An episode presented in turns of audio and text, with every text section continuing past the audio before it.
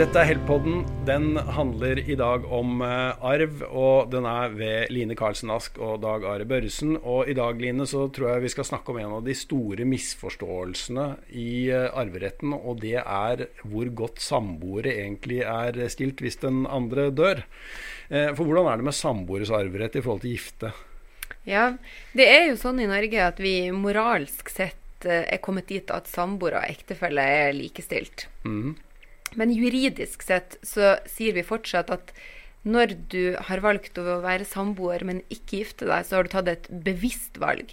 Og derfor så er det heller ikke de samme juridiske virkningene å være samboer som det å være gift. Mm. Skal vi ta samboeres arverett først? da? Hva arver egentlig en samboer? En samboer som har eller eh, har hatt eller venter felles barn, arver 4G fra sin samboer, og det er ca. Eh, 425 000. Så samboere uten barn. Arver null etter hverandre. Så hvis eh, samboere eh, uten barn, som ikke venter barn heller, eh, skal arve hverandre hvis den ene faller fra, så er de nødt til å skrive et testament. Absolutt.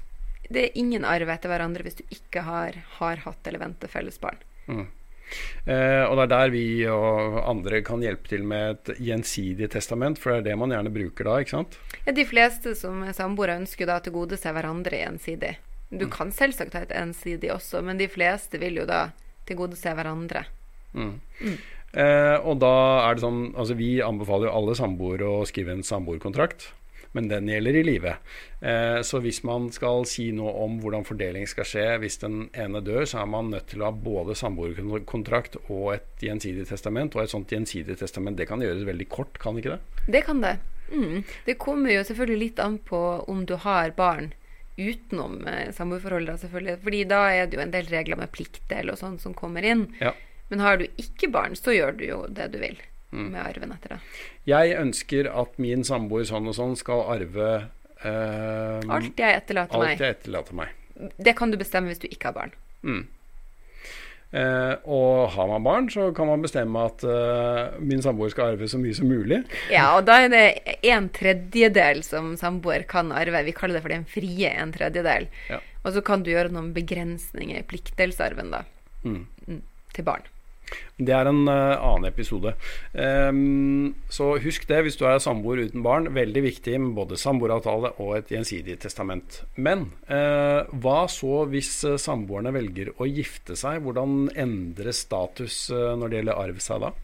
Hvis du velger å, å gifte deg, så endrer jo For det første så endrer det seg litt det her med samboeravtalen og hva du eier. Fordi etter at du har gifta deg, så vil jo alt man kjøper for lønn man eh, tjener i ekteskap og sånn, vil jo bli felleseie. Så det endrer seg jo både med hvilke verdier du selv har, og hvilken eh, arv du skal motta. Så arvemessig så vil du ha rett til en fjerdedel av det ektefellen etterlater seg. Så det øker jo da i forhold til 425 000 at du skal arve en fjerdedel. Eller minimum eh, 425 000 allikevel, da. Ja da. Ja. Ja. minimum 425 000 hvis man har eh, barn, da. Ja, Og hvis man ikke har barn, Ja, da er det 6G som er Da øker det fra 4G til 6G. Ja, eh, så hvis man da eh, fortsatt ønsker at eh, kona, da, hvis man eh, da gifta seg, skal eh, arve alt, hvis man da ikke har eh, barn, da må man skrive testament, Ja, da må du ha testament. Nemlig. Det er det også mange som eh, ikke har fått med seg. De tror at uh, ektefelle er enearving hvis man ikke har barn. Men det er faktisk bare halvparten man arver, da. Det kan også være viktig å huske på. Um, en ting til når det gjelder uh, samboere og arverett. Det er i og for seg litt på siden, men uh, det hender jo at det er livsforsikringer uh, inne i bildet. Hvorfor kommer det inn i bildet ved dødsfall? Ja, det, Det gjør jo gjerne livsforsikringer, da. ja, samboere arver jo lite. Altså, hvis du tenker på boligprisene i dag, så er jo 425 000 ingenting i arv.